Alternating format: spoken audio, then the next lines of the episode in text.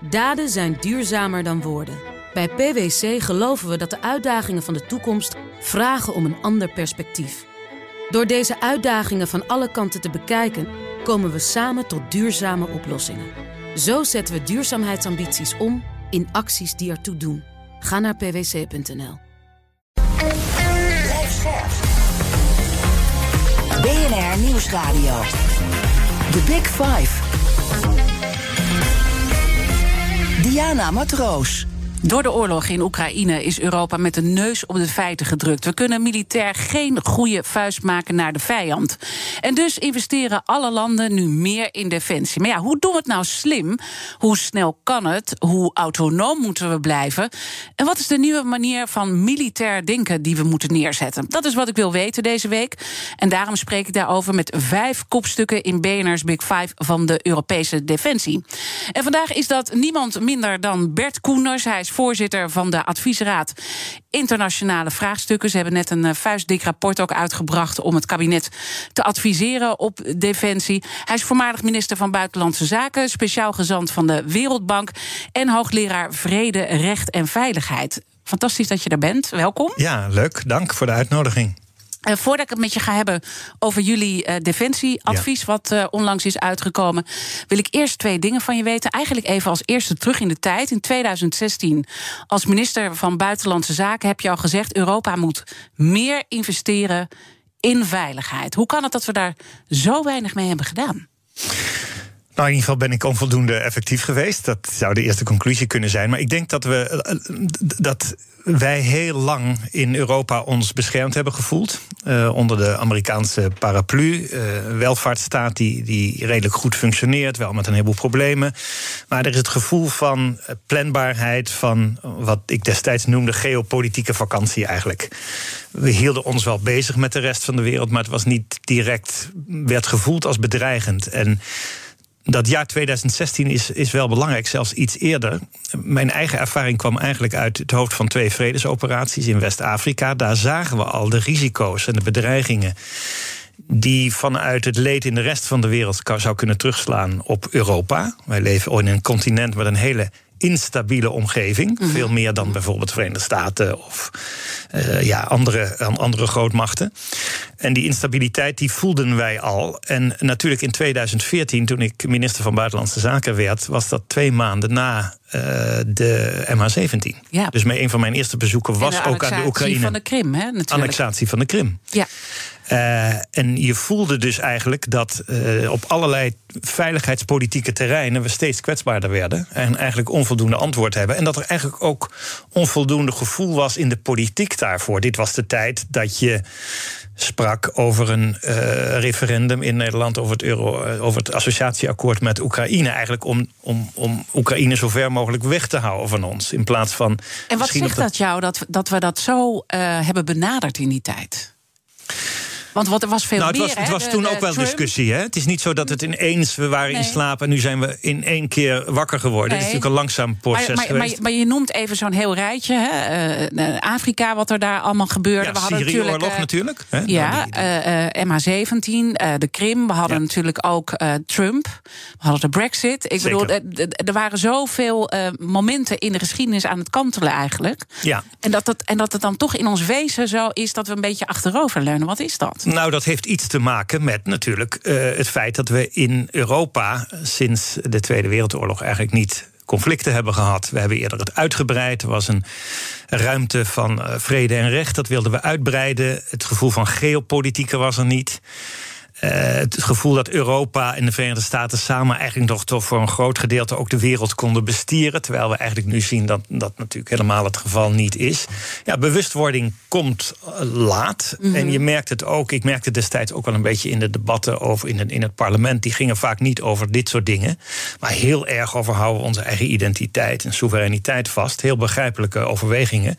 Maar daardoor was het strategische inzicht in wat er in de wereld gebeurt eigenlijk afwezig. Ja, en, en ja, Nederland Nederland en is dat dan. is nu wat, wat, wat we nu uiteindelijk uh, zien. Het tweede wat ik uh, van je wil weten, want we gaan zo wel wat okay. meer de diepte in, ook hoe we nou het politiek denken ook daarin kunnen veranderen. En ook de linkerflank daarin meenemen. Je bent natuurlijk ook van de Partij van de Zeker. Arbeid. Uh, tweede wat ik van je wil weten, in jouw rol als minister van Buitenlandse Zaken heb je ook actief bemoeid met de nasleep MH17. Hè, dat noemde je al in de gevolgen van de annexatie van de Krim. je hebt ook met de Russen gesproken. Ja, met, de, ja, met Lavrov. Ja. Lavrov. Ja. hoe, hoe is dat om met die Russen zaken te doen en ook dan te kijken wat je nu ziet gebeuren, wat jij toen al hebt bespeurd? Nou ja, dit, ik herinner me heel goed uh, het eerste bezoek dat ik bracht aan uh, Moskou na de uh, MH17, waar we de gesprekken hadden met, met minister Lavrov.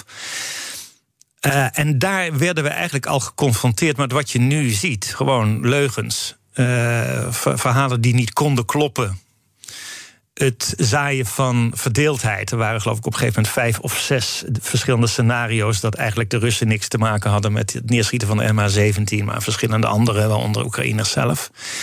En je was dus op dat moment al, al in die gesprekken. Uh, kwam je met een gesprekspartner. Die, ik, ik herinner me nog heel goed toen we daar kwamen. Hij, hij vroeg mij eigenlijk: waarom komt u eigenlijk? Want u bent toch tegen Rusland. Dat was de eerste zin. Het is ook een manier een beetje om je te intimideren Mhm. natuurlijk. Nou, ik zeg, ik kom om die en die en die redenen. En we hebben nogal wat te bespreken.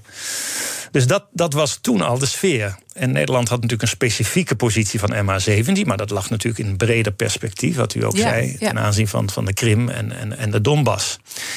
Uh, en die gesprekken waren dus uiterst moeilijk. En daardoor waren de betrekkingen toen met Rusland voor ons al heel erg ingewikkeld. Uh, dus regelmatig waren de ambassadeurs zijn op het matje geroepen. Ja, wederzijds. ja, precies. Ik heb even weer de berichten zitten Ja. nalezen. Dat, dat gebeurde allemaal in En die je tijd. probeerde toch natuurlijk contact te houden. Laten we dat, hebt- je had ook Rusland nodig voor waarheidsvinding. Zonder enige naïviteit of illusie overigens. Maar mij was wel volstrekt duidelijk dat de manier waarop toen al diplomatie en waarheid Mhm. Op gespannen voet eh, met elkaar gingen staan. Dat we echt te maken hadden met, met een gigantisch probleem. Ja, en laten we dan kijken, eh, want dit zegt ook iets waar ze van onder de indruk eh, zijn. Hè? Dat, dat, dat schets je heel mooi. Laten we even naar belangrijk nieuws ook van deze ochtend kijken. En ook nog even iets van de slipstream van gisteren meenemen. Ja. Vanochtend zijn Nederlandse eenheden namens de NAVO vertrokken naar de oostflank van Slowakije. Om het land te beschermen. Het moet ook een ja, afschrikkende werking natuurlijk hebben. Het gaat om zo'n 150 militairen en meerdere raketlanceersystemen die we daar naartoe sturen. Ook Duitsland stuurt eenheden die kant op. Ja, gaan ze hiervan onder de indruk zijn in Rusland? Dat weet ik niet of ze daar direct van onder de indruk zijn. Dat betekent in ieder geval dat Nederland ook laat zien dat die oostflank van de NAVO ons aangaat. Dat we daar dus ook ja, bijna semi-permanent. Want de regels zijn eigenlijk dat je dat dan, eh, althans in de, de, de grensstaten, niet doet. Maar dat we dat voorbij zijn. Dat we dus ook die Patriot-systemen en mensen daar neer gaan zetten. Dat doen we overigens ook al in Litouwen en de luchtmacht in eh, Nou, Roemenië. Het zijn allemaal kleine stapjes. Het zijn kleine stappen, maar zijn niet onbelangrijk. Die geven het signaal aan eh, over ja, de, de, dat de NAVO hier dus niet naïef in staat. Het is natuurlijk wel zo dat dit op NAVO-gebied is. Ik kan me voorstellen dat het ook de mogelijkheid creëert voor Slowakije en andere landen om eh, luchtafweersystemen die van eh, ouderwets Russische makelij zijn en die dus goed gebruikt kunnen worden in de Oekraïne om die vrij te stellen. Zodat er ook een zekere mate van compensatie is van NAVO-bondgenoten, in, eh, in dit geval in Slowakije. Dus dat zit er mogelijk achter. En het zijn stapjes, maar het is niet iets waar Rusland nu van denkt: wauw, wat, wat gebeurt er nu? Dat durf ik niet te zeggen. Ik denk dat ze. Kijk, wat ze natuurlijk gezien hebben, is dat in tegenstelling tot wat men verwacht had. Hè, het beeld van, van de Russische Federatie was toch. eh, ja, de, de NAVO is eigenlijk verdeeld sinds eh, Trump. Eh, die zei eigenlijk al: dit artikel 5 bestaat niet meer. De Russen en de, de, de Amerikanen en de Europeanen lopen uit elkaar. Die zijn onderling verdeeld. Maar wat je gezien hebt, is natuurlijk juist een, in die versnelling van deze oorlog. dat de NAVO juist ja, een nieuwe dynamiek heeft gekregen. Dat bewijst ook, ook deze besluitvorming in Nederland van vanmorgen. Dat de EU, en de grote vraag is, daar kunnen we het misschien later over hebben of dat zo blijft. maar in ieder geval ook de EU juist een andere positie heeft genomen. namelijk veel sterker geworden is. als het gaat om buitenlandse politieke besluitvorming, sancties en dergelijke. Dus ik denk dat ze wel heel goed zich realiseren dat datgene wat ze misschien verwachten nu in het tegendeel omslaat. Mhm, mhm. Of dat morgen nu iets verandert voor de mensen in, in Mariupol. En, in, en daar gaat het natuurlijk om in, in, in Donetsk. Dat is nog dat wat niet, anders. Dat niet, maar het is wel. Een, we, we schuiven met z'n allen op. En Nederland schuift daarin Zeker. ook op. Eh, wie ook opschuiven natuurlijk, eh, Zweden en Finland. Die Ja. gaan bijna zeker eh, voor dat NAVO-lidmaatschap. Er moet nog wat zaken door het parlement.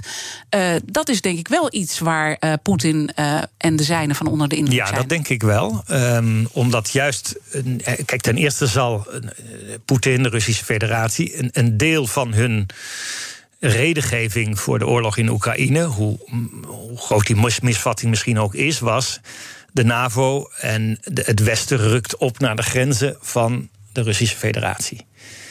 Dat willen we voorkomen. In feite zie je nu dat het tegenovergestelde gebeurt. Er komt een 1300 kilometer lange grens bij tussen de NAVO en Rusland. Mocht eh, Finland, eh, Finland en, en ook Zweden lid worden van, van de NAVO. Dat, dat, dat is punt één. Twee, ik denk dus echt wel dat dat een fors punt is. De grote vraag is hoe ze daarop gaan reageren, mocht dat inderdaad gaan gebeuren. Want is, dat, dat is wel een grote stap. We breiden dus de NAVO uit met twee grote eh, grenslanden. Moet je je voorstellen, eh, Finland is, is sinds de oorlog van 1939 eh, eigenlijk eh, ja, een, een neutraal land. Is gefinlandiseerd. Er is een grote oorlog geweest tussen Rusland en, en Finland. Men heeft altijd, dat woord Finlandisering kwam daar ook vandaan. Hè. Je hebt niet helemaal een eigen defensie, veiligheid en buitenlandse politiek. En dat zou dus leiden tot een hele andere positie van Finland. Namelijk een, een, een, een, lid van het Westers Bondgenootschap. Dus het is echt een opmerkelijke stap. Ja, en Zweden is natuurlijk al helemaal. Ik weet nog dat we eh, vijf, zes jaar geleden een campagne voerden voor de VN-veiligheidsraad. En eh, Zweden was onze grote concurrent. Die heeft ons overigens verslagen toen. Juist vanwege eh, hun, dynamiek en hun positie in de rest van de wereld als een neutraal land. Dat was een sterk profiel van Zweden. En je ziet nu dat daar in de politiek dus een grote discussie is. Moeten we die neutraliteit sinds het begin van de 19e eeuw niet verlaten? The Big Five. Diana Matroos. Mijn gast is Bert Koenders. Hij is voorzitter van de Adviesraad Internationale Vraagstukken en voormalig minister van Buitenlandse Zaken. Maar je bent ook VN-gezant geweest. Ja. En eh, daar wil ik toch ook even nog het volgende eh, voorleggen. Want je ziet natuurlijk allemaal ja, verschuivingen komen in wat, wat iedereen roept en zegt en doet. Hè. Nou, we hebben Finland en Zweden gehad. Maar de Amerikaanse president heeft intussen gezegd dat Rusland genocide pleegt. En dan denk je toch, ja, die, daar wordt bewust over nagedacht ook. Zo'n opmerking. Hij heeft natuurlijk een heel team wat met hem meedenkt. En dat doet ook iets met VN-afspraken die we hebben. Want eh, daarin eh, staat natuurlijk ook wel, als je genocide verklaart, dan moet de VN ingrijpen. Ja. Wat betekent dit voor de VN? Eh, nou, ik ben bang heel weinig. En dat is de enorme frustratie van deze tijd. Dat we natuurlijk in een groot conflict zitten. waar een van de leden van de Veiligheidsraad, Rusland, een vetorecht heeft. En daar zit voor, ik denk ook voor een heleboel luisteraars, een hele ja, bizarre realiteit in. Dat de leden van de VN-veiligheidsraad, is dus de hoogste organisatie ter wereld die kan legitimeren als er of er militair wordt ingegrepen ergens.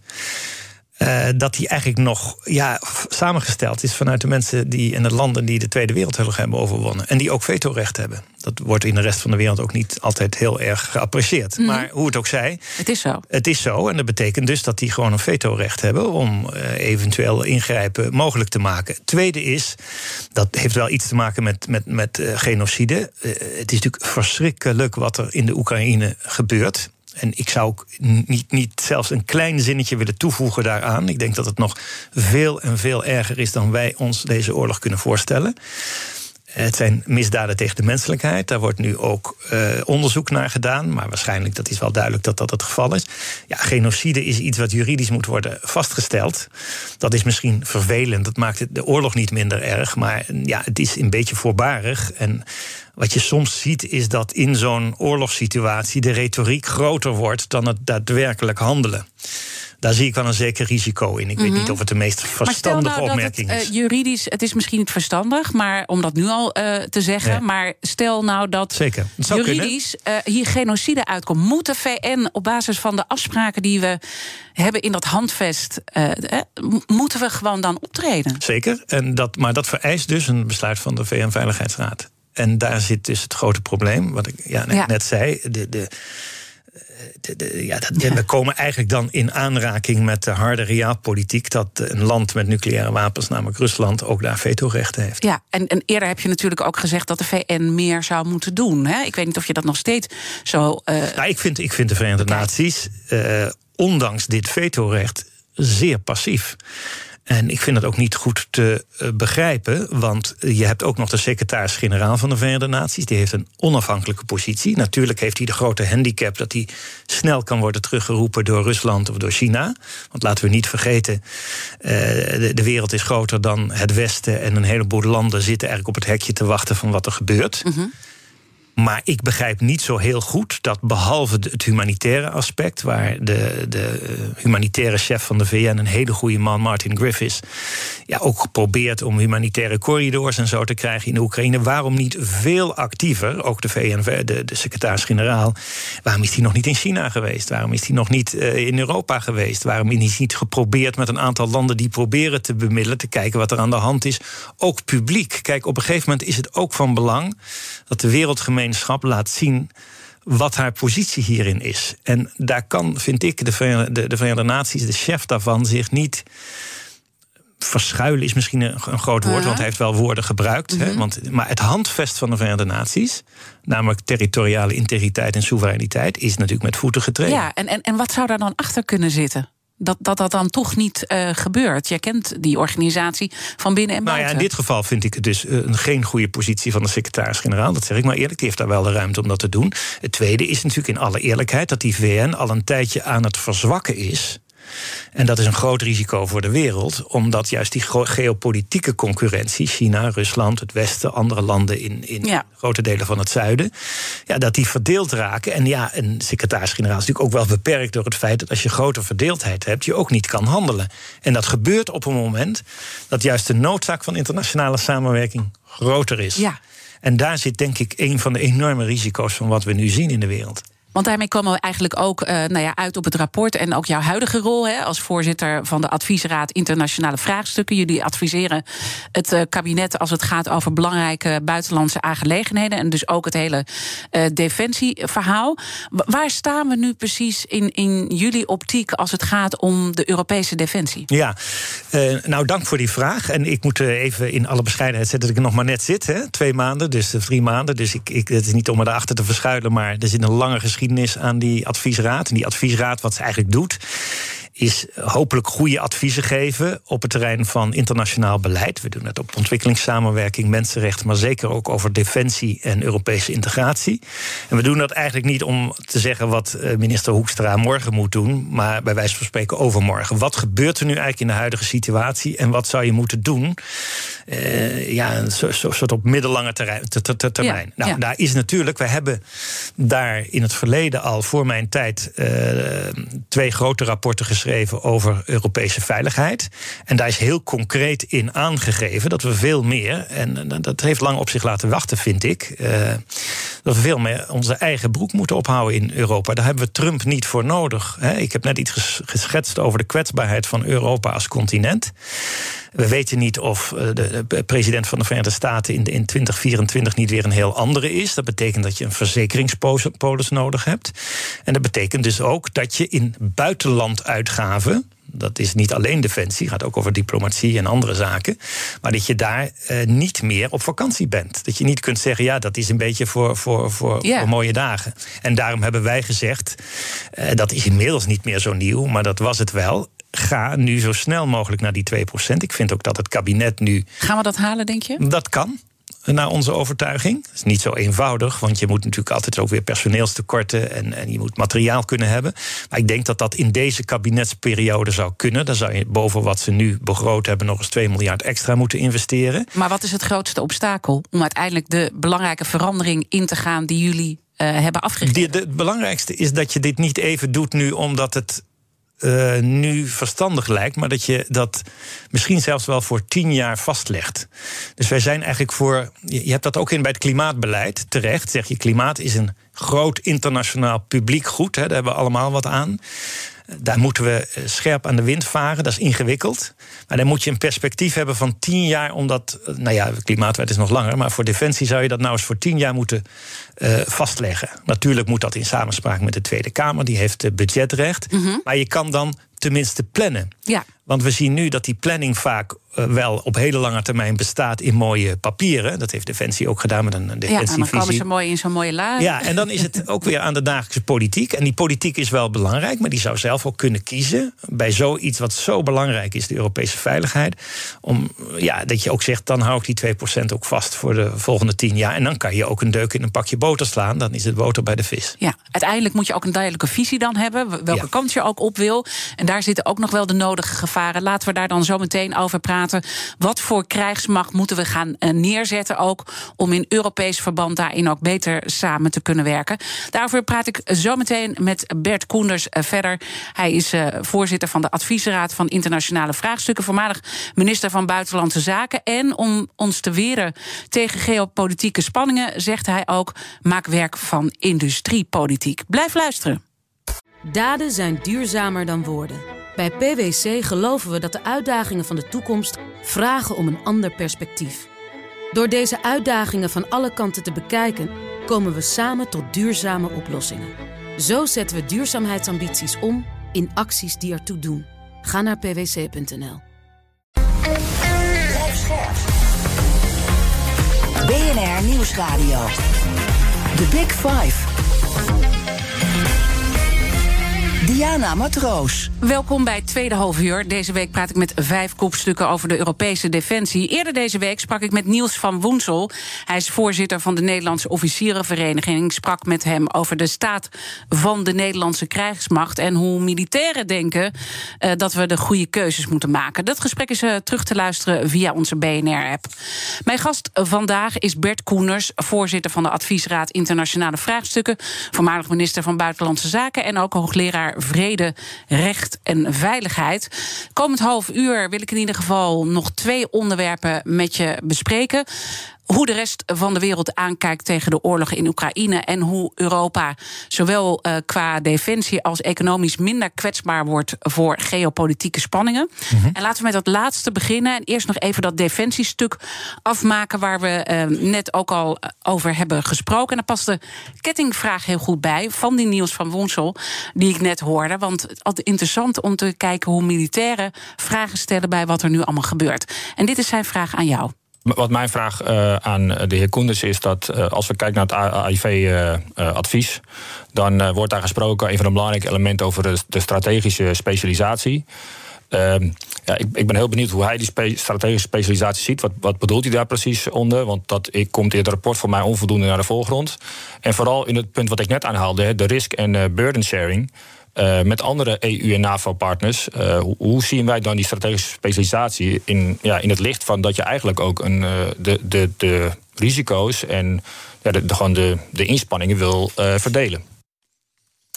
Ja, hele goede vraag en, en, en dank daarvoor. En hij, hij, benoemt terecht de vraag over strategische specialisatie. Een paar punten daarover. Ten eerste, in ons briefadvies wordt heel duidelijk: Nederland, u kan niet meer alles doen. Wat we nu vaak doen is alle wapensystemen die niet meer up-to-date zijn, die gaan we vervangen één op één.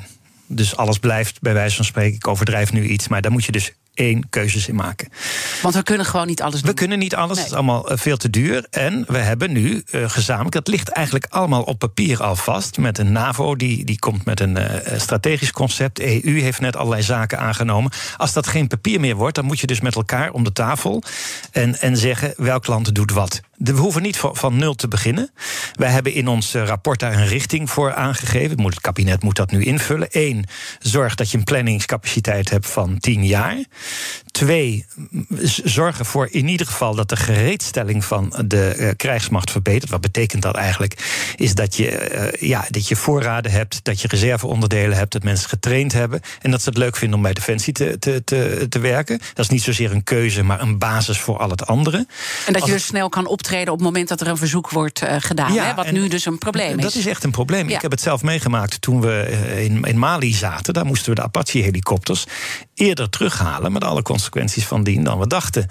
Toen we in Syrië actief waren in verband met ISIS. Ja was het, kon Nederland niet aan het F-16-rotatieplan meedoen. Dat vond ik enorm frustrerend. Dus wat je moet doen is, en daar is de vraagsteller denk ik heel eh, terecht wijst daarop. Je moet, en wij hebben daar een richting voor aangegeven, maar de details zijn iets voor, voor, voor Defensie en eventueel kunnen we vervolgadvies maken. Maar die is echt de slagkracht van de Koninklijke Landmacht verhogen. Daar zijn ook allerlei mogelijkheden, zijn, maar dan moet je keuzes met andere landen maken. Uh, je kunt ook als je sneller geld wil uitgeven, bijvoorbeeld in de, in de luchtmacht, kun je ook dingen van de plank kopen. Hè?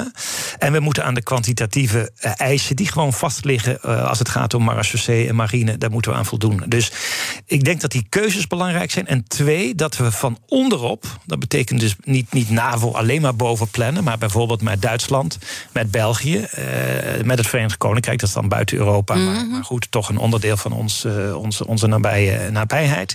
Moet je hele specifieke keuzes maken en dat ook durven. Je kunt niet alles zelf meer blijven doen. Nee. Als je dat denkt. En, en, en dan uh, benoemt hij eigenlijk dat de militairen dat helemaal niet zien zitten. En hij nou, is een vakbondsvoorzitter en staat ja. dan voor zo'n 9000 uh, militairen. Ook omdat we nu uh, toch zien, hè, want er wordt als specialisatie dan ook door jullie benoemd dat we nou ja, een beetje richting die cyber, hè, daar, daar zijn cyber wij, heel belangrijk had ik moeten noemen ook, ja. zeker. En daar is ook snel in. mogelijkheden om dat te vergroten op het ja. ogenblik. Ja. En dan zegt zo'n nieuws van woensdag, ja, allemaal leuk en aardig, maar als je gewoon nu kijkt naar die oorlog in Oekraïne, dat gaat gewoon veel meer over de grond. En uh, we moeten ons ook op die manier. Ja, maar daar ben ik het wel mee eens. En daarom dat ook in ons briefadvies, het is een briefadvies, mm -hmm. het, is niet, het is echt om snel in de richting van het kabinet te zeggen: nu moet er gehandeld worden. Het is niet een groter rapport, maar daar zit juist die slagkracht van de Koninklijke Landmacht als een essentieel onderdeel dat ook expliciet benoemd wordt. En daar zag je eigenlijk al een beetje. Ik bedoel, het werd allemaal heel positief mm -hmm. uh, verwelkomd, nogal logisch in deze tijd, eerlijk gezegd. Maar ja, er werd al gezegd: ja, maar u doet dan zo alles op de landmacht. Wat betekent dat dan voor andere krijgsmachtdelen? Ja. Nou, die zijn natuurlijk ook belangrijk, maar je ziet keuzes tussen en dat... binnen landen, tussen landen moeten maken, maar ook tussen krijgsmachtdelen. En dat is het grote gevaar eigenlijk nu dat we van alles gaan doen en dat daar de politiek die keuzes niet maakt. En, uh, nee, en daar is nu minister Ollengren, denk ik, mee bezig om toch, nou, dat, dat, dat willen we haar natuurlijk ook oproepen, durft die keuzes te maken. Nederland heeft een kwalitatief goede krijgsmacht, maar ja, we hebben 20% vacatures. Uh, als ik zei al net, je kunt niet doen wat je eigenlijk wil. Uh, en dat betekent dus keuzes maken, langetermijn perspectief mm -hmm. en durven. Uiteindelijk moeten we ook andere keuzes maken als ik uh, jullie stukken goed lees. Want jullie noemen ook het woord industriepolitiek. Wat uh, natuurlijk best wel een beladen woord is in Nederland. Want we willen het altijd aan de markt uh, overlaten. He, maar dan zou de staat meer gaan investeren in het bedrijfsleven. En toch zeggen jullie uiteindelijk, we moeten dat doen vanwege alle geopolitieke spanningen ja, die er zijn. Ik denk dat we praten natuurlijk heel veel over Europese veiligheid. Maar die heeft ook heel veel te maken met economie. Als je goed kijkt naar wat Europa nu doet. Hè, wij voeren geen oorlog nu in de Oekraïne, maar we hebben het, het sanctieinstrument ingezet. Al een hele tijd zien we dat politiek en economie niet meer te scheiden zijn. Dat we kwetsbaar zijn geworden. Het eerste punt is natuurlijk de energievoorziening, gas en olie uit uh, Rusland. Maar het geldt veel breder als het gaat om de geopolitieke concurrentie met China, met de Verenigde Staten, met andere landen. Waar je ziet dat bijvoorbeeld zeldzame uh, grondstoffen of de ontwikkeling van halfgeleiders of waterstof, dat dat steeds meer een instrument wordt van internationale politiek. Dat is niet noodzakelijkerwijs positief, maar is het geval. En dat betekent dus, en wij noemen in dat rapport, als het gaat om slimme industriepolitiek, dat we zo kwetsbaar zijn in Europa, dat we op een aantal punten, ook Nederland, dat een beetje een, ja, toch in die zin een beetje een neoliberale achtergrond heeft. Mm-hmm dat je dus ook als Nederland moet meedoen. Er was gisteren in de Tweede Kamer, vond ik, een interessant debat over waterstof. Als wij echt op het terrein van energieverandering uh, willen zorgen dat we dat in Europa nog kunnen, dan zal ook Nederland moeten meedoen aan die uh, ja. Europese projecten. En toch voel je nog aan alle kanten die terughoudendheid. Hè? Dus, dus uh, we moeten een enorme switch maken in ons hoofd als het gaat om militair denken. Dus niet meer denken in nee. termen van vredesmissies, maar in termen van kunnen vechten als het erop aankomt. En hier moeten we dus ook een enorme draai maken. Hoe, hoe ga je de politiek daarin meekrijgen? Nou, dat, dat, dat, ik ben daar niet helemaal pessimistisch over dat we die draai gaan maken. Want je ziet al, dat is overigens in de tijd dat ik minister was en toen met, minister, met president Macron begon al de discussie, ook vanuit Nederland, met Frankrijk over wat nu een beetje een duur woord is, vind ik strategische autonomie. En dat betekent dus alleen wat ik wel vind is dat Nederland een draai moet maken daar om daar niet zoveel koudwatervrees over te hebben. Wij zitten altijd te denken dat komt vanzelf wel. Ik herinner me heel goed de discussie die we hadden in 2014. Die heb ik verloren, zeg ik maar eerlijk als minister. Maar toen al was er discussie in, in met Europa of, of Nord, Nord Stream 2, die bekende Ja. pijplijn, of dat nou een geopolitiek onderwerp is of alleen maar iets van het bedrijfsleven. Ik was voor het eerste, anderen dachten daar anders over, dat mag. Maar je moet dus op dat soort momenten wel durven kiezen. En wij stellen voor, eh, dit is geschreven door Luc van Middelaar en Monica C. eh, en, en, haar, en hun hele team, om te zeggen, eh, ja, daar moet je dus mee durven Ja. doen. En ook een afwegingskader. Want het is niet altijd goed. Hè? Je hoeft het niet ouderwets industriebeleid te doen met een nieuw Europees protectionisme. En we gaan maar eindeloos staatsgeld in industrieën klopen. Je moet kiezen. Ja. Maar die mindset, daar heb je gelijk in, die moet echt anders. Maar misschien zou je ook kunnen zeggen: we hebben heel veel bedrijven, natuurlijk, de ondernemers en de directeuren en, noem maar op die naar ons luisteren. Ja. Eh, ook, ook van de grote bedrijven. Misschien moeten de bedrijven wel het voortouw eh, gaan nemen om eh, minder afhankelijk te worden uiteindelijk. En Ja. moeten we niet wachten op de politiek, want die. die Nou, wat volgens mij de essentie hierin is, en ik ben het daar met je eens, is het voortouw wordt gedeeltelijk door het bedrijfsleven genomen. Eh, het wordt gedeeltelijk Nederlands genomen en gedeeltelijk Europees. Je moet dat gewoon samenballen en kijken waar zijn onze kwetsbaarheden. De Europese Unie heeft eh, eh, een, een echt interessant verhaal wel gehouden. Waar zitten nou, dat heet het choke points. Dus waar kan je afgeknepen worden? Nou, we zien dat met gas en olie, want dat is een instrument nu. waardoor we, vooral in Duitsland, maar ook in, in Nederland, toch ook soms ons bescheiden opstellen als het gaat om, om, om, om sancties of verdere stappen. Nou, met China is dat ook het geval. En ik denk dat je samen moet bedoelen als het gaat om de publieke doelen van Europa. Die zijn eigenlijk digitalisering en vergroening. Dat je daar zorgen voor moet dat je je eigen broek ophoudt. Ja, en zorgt en- dat je dat ook kan doen. En vanuit die gedachte, eh, in welke sectoren zou Nederland dan moeten Nou investeren? ja, ik denk dus heel erg in eh, de, in de, de, de- Welke bedrijven? De halfgeleiders. Halfgeleiders is ja. essentieel. Waterstof is essentieel. Er is een Chips Act in Europa. Nou, daar moeten we ook zeer actief in. Onze bedrijven hebben geweldige bedrijven daar, met Ja. ASML enzovoort. En die voel je, die zitten daar nu ook, die zitten vastgeknepen tussen de Amerikanen en de Chinezen. En als we daar als Europa niet een zekere mate van eigen, nou ja, woorden een beetje duur, maar strategische autonomie hebben, Ja. dan word je vermorzeld. En dat gaat er uiteindelijk alleen maar erger worden. Hè. We zien natuurlijk, want uiteindelijk wil China ook natuurlijk wereldmacht nummer één worden. Dus we denken nu, we zijn zo in die oorlog ook bezig in ons hoofd. Maar dit is nog maar het begin. Nou ja, Rusland laat zien hoe kwetsbaar we zijn op, eh, op, op eh, olie en gas. En Eh, China, bij wil China is dat wereldmacht andere. nummer één worden. Zeker. Dus wat gaan we nog krijgen, Ja, denk en ik dan. je moet volgens mij wel voor één ding oppassen. Dat zeg ik ook als meer, niet als een positie van AIV, maar eh, in, in mijn eigen geschiedenis. Je moet zorgen, en dat is de grote uitdaging van de toekomst. Waar zoek je het conflict en waar werk je samen? We zullen op het terrein van milieu ook moeten samenwerken met China, of we dat leuk vinden of niet. Eh, maar je moet wel iets beter op je zaken passen als het gaat om industriebeleid. En daar roepen wij als AIV heel sterk toe op. En Mm. we hebben dat rapport aangeboden aan minister Hoekstra. Ik hoop dat dat ook gedeeld wordt in het kabinet. Ja, ja. En dat ze er wat mee gaan doen. Hij is nog wat terughoudend, maar we gaan zien. Daden zijn duurzamer dan woorden. Bij PwC geloven we dat de uitdagingen van de toekomst vragen om een ander perspectief. Door deze uitdagingen van alle kanten te bekijken, komen we samen tot duurzame oplossingen. Zo zetten we duurzaamheidsambities om in acties die ertoe doen. Ga naar pwc.nl. BNR Nieuwsradio. The Big Five. Diana Matroos.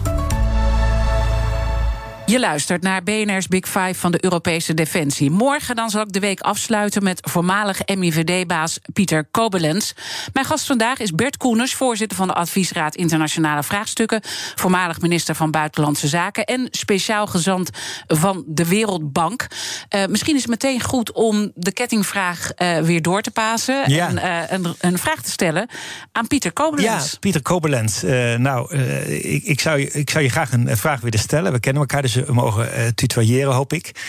Ehm, jij bent eh, heel lang eh, directeur geweest van de MIVD. En ik herinner me uiteraard dat jij ook zeer was voor geheimhouding, want anders kunnen inlichtingendiensten niet werken. En je ziet nu eigenlijk dat het vrijgeven van inlichtingen steeds meer een instrument is geworden, ook van veiligheids- en buitenlandse politiek. Kijk maar naar bijvoorbeeld de inlichtingen die werden vrijgegeven over een mogelijke inval in Oekraïne nog destijds door de, Amerikaanse regering. Wat vind jij daar eigenlijk van? Is dat een risico? Is dat een goede zaak? Is het begrijpelijk? Hoe sta je daar als hoofd, eh, voormalig hoofd van de MIVD in? Mooie vraag, ga ik hem zeker eh, stellen. Laten wij dit uh, slotstuk gebruiken om ook naar de rest van de wereld en ook wat deze oorlog uh, in Oekraïne op de lange termijn uiteindelijk gaat betekenen. En de belangrijke verschuivingen die we zien. Je stipt het net ook al uh, eventjes aan. Onlangs was je aanwezig op het Doha-forum. Daar hield trouwens Zelensky een toespraak. Was je onder de Klopt, indruk? Ja, ja, daar ben ik bij geweest. Ja, nou ja, goed, we blijven natuurlijk allemaal onder de indruk. En hij, daar zie je dus ook dat de Oekraïnse regering heel erg investeert ook. Niet alleen in het Westen, en in, maar ook dus met een heleboel landen in het Midden-Oosten en de rest van de wereld die daar aanwezig waren. Uh, maar ook bijvoorbeeld Turkije, die daar uh, een sterke presentie had om, om hun zaak te bepleiten. En dat is ook best wel nodig, want wij denken wel eens dat iedereen daar hetzelfde over denkt. Maar we weten natuurlijk in de praktijk, hebben we al gezien bij VN-stemmingen, dat dat zeker niet het geval is. Dat er grote verschillen van mening zijn. En dat ook een heleboel landen, grote landen, China, India, Brazilië, Zuid-Afrika uh, eigenlijk zich niet aangesloten hebben bij die sancties. En een beetje op wat ze zeggen on the fence, op het hek zitten. Om te kijken wat er gebeurt. En dat heeft heel veel te maken met een aantal eigenlijk verschillende zaken. Een, een deel vindt uh, dat, uh, ja, dat het natuurlijk af te wijzen is dat nationale soevereiniteit en zomaar een land kan worden binnengevallen. Dat zei bijvoorbeeld de Kenianen in de Verenigde mm. Naties. Dit is een soort nieuwe kolonisatie, daar zijn we tegen. Maar je ziet een heleboel landen die ook ja, eigenlijk, wat je zou kunnen zeggen, niet gebonden willen zijn. Ook niet zozeer voor het Westen zijn. Hun verhaal ook niet, niet, niet volgen. Ook vinden dat de NAVO ja, eigenlijk zelf te ver is uitgebreid. Dat het Westen uh, uh, eigenlijk ook met dubbele standaarden werkt. Ja. Want nu is er wel interesse voor uh, de Oekraïne. En dat was er zeker niet voor Syrië. Dat gold ook voor de vluchtelingen. Dus die sentimenten Nou ja, ja. die spelen een grote rol. En die zijn deels legitiem, andere misschien minder legitiem. Maar het betekent dus wel dat wij in de wereld te maken hebben met vrij grote scheidslijnen. Die zijn verschillend. Als je kijkt naar een land als India, dat is natuurlijk, ja, laten we eerlijk zijn, dat is, dat is straks het land met de grootste bevolking ter wereld, mm -hmm. hè, naar China. Mm -hmm. Maar het zegt ook iets over, uh, want daar waren we natuurlijk ook net aan, ja. aan toegekomen. China wil ook wereldmacht uh, nummer één worden. De kaarten worden gewoon totaal anders geschud. En wij als het Westen stellen gewoon minder voor. Zeker. De hoe, moeilijk, is, hoe moeilijk dat ook maar is. Ik denk dat dat een deel misschien. is waar we, waar we ook misschien te langzaam ons rekenschap van geven. He, je moet je voorstellen, voor, in het begin van de vorige eeuw was, was Europa een grote imperialistische mogendheid. Het had ongeveer 20 à 25 procent van de wereldbevolking. Nu gaat dat terug naar 5. Uh, dat betekent dus een hele andere positie in de wereldeconomie. Daarom vind ik, en, en in de wereldpolitiek, daarom vind ik ook dat je daar goed op je zaak mm. moet letten. Mm -hmm. Uh, de Verenigde Staten heeft zich sinds Afghanistan, maar ook na de oorlogen in Irak uh, en, en, en, en, elders, een beetje teruggetrokken. Dat, stelt, dat is niet het geval nu in Europa met de Oekraïne. Maar voor een heleboel landen in de rest van de wereld zien ze dat ze eigenlijk zich moeten wapenen tegen een ook een terugtrekking van de Amerikaanse macht. En dat zie je in het Midden-Oosten. Dat er veel meer gekeken wordt naar de risico's van Iran, de samenwerking met Israël. Israël is zelf ook een land wat ja, gezegd wij heeft. zijn gewoon minder, minder interessant. En, en ja. hoe moeten we ons dan daarbinnen positioneren? Want dat is ook, de democratie wordt steeds kleiner als je op wereldschaal absoluut. kijkt. Hè? Probleem, ja. Dat is echt een. Nou ja, voor ons is het een groot probleem. Want dat is dus weer interessant nou, dan. Voor veel mensen daar hoor. Ja.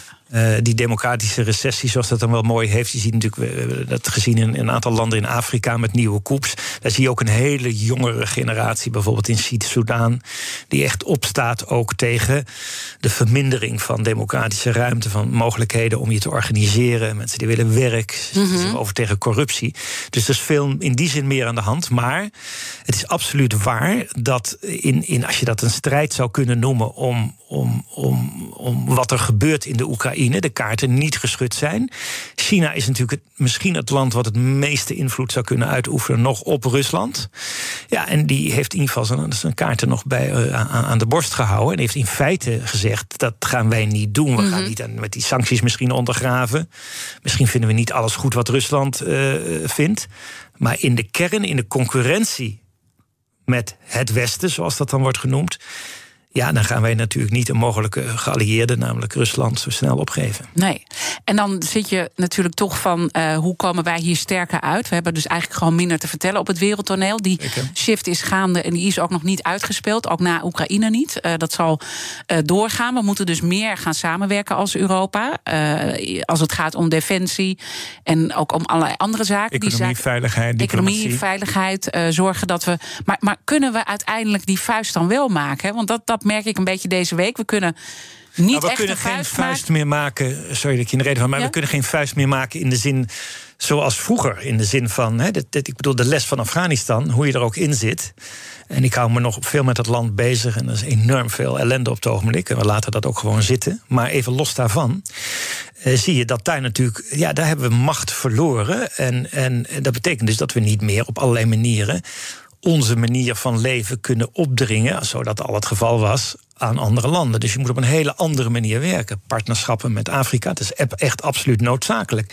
Vergeet niet dat daar straks eh, de grootste bevolking ter wereld zal, zal zijn op het Afrikaanse continent. Als mensen geen werk hebben, is daar een nieuwe bron van instabiliteit. Dus je zult op een nieuwe manier met Afrika kunnen uh, mm. samenwerken en moeten samen. Dat is overigens een van onze ideeën om daar een advies over te geven. Veel meer als Afrika als, als partner, als buitenlands politiek. Want daar vindt geopolitiek ook plaats. China, ja. India, andere landen zijn er actief. Want dat, want dat zit er dus nog op ons af te komen. Hè. We weten natuurlijk dat het, uh, nou ja, het hele graanverhaal ook impact gaat Enorm. hebben op een mondiale voedselcrisis. En dan weet je natuurlijk dat Afrika ook een, een, een, probleem gaat krijgen, armoede. Je bent ook speciaal gezant bij de Wereldbank. Ja, daar eh, ben ik over aan het afbouwen. Maar niettemin, dat gaat heel erg nu over die consequenties van de Oekraïne-oorlog. Uh, en Oekraïne zelf natuurlijk. Mm -hmm. Net een nieuwe lening ook van de Wereldbank in de richting van Oekraïne, omdat de mensen nog in ieder geval hun, hun doktoren en hun onderwijzers kunnen betalen. Uh, maar ik denk dat we uh, ook weer niet naar een andere uiterste moeten gaan. Laten we maar heel eerlijk ook in dit programma zijn. De wereld is onvoorspelbaar. We weten niet precies welke richting het opgaat. Als u experts hier aan tafel krijgt die het wel weten, ik neem een petje af. Maar je moet juist nu ook in een wereld van onzekerheid ja, daar juist mee om kunnen gaan. Met een zekere koelbloedigheid. Ook voor je eigen belangen omkomen. Maar wel realiseren dat we in een andere machtspositie zitten. En daarnaast Europa heeft ook een heleboel positieve dingen. Het is een markt van 500 mhm. miljoen mensen. De economische standaarden over privacy, die worden wereldwijd gelukkig nog voor een groot gedeelte eh, door bedrijven overgenomen, overigens niet overal. Eh, we zijn nog een welvaartsstaat waarin een zekere mate van gelijkheid is. Iedereen wil ook graag lid worden van de Europese Unie. Dus we hoeven ook niet van het ene naar het andere uiterste te gaan. Maar we moeten een beetje. En we kunnen ook echt wel wat. Want natuurlijk. nu ontstaat ook een beetje het beeld dat we echt helemaal niets kunnen. Want we ja, grijpen natuurlijk. Onrechten uiteindelijk niet uh, in. Hè. Ik bedoel, we sturen allerlei dingen, uh, wapens en uh, militairen. Ja, dat heeft maar, natuurlijk een reden. Aan, aan de flanken. Maar ja.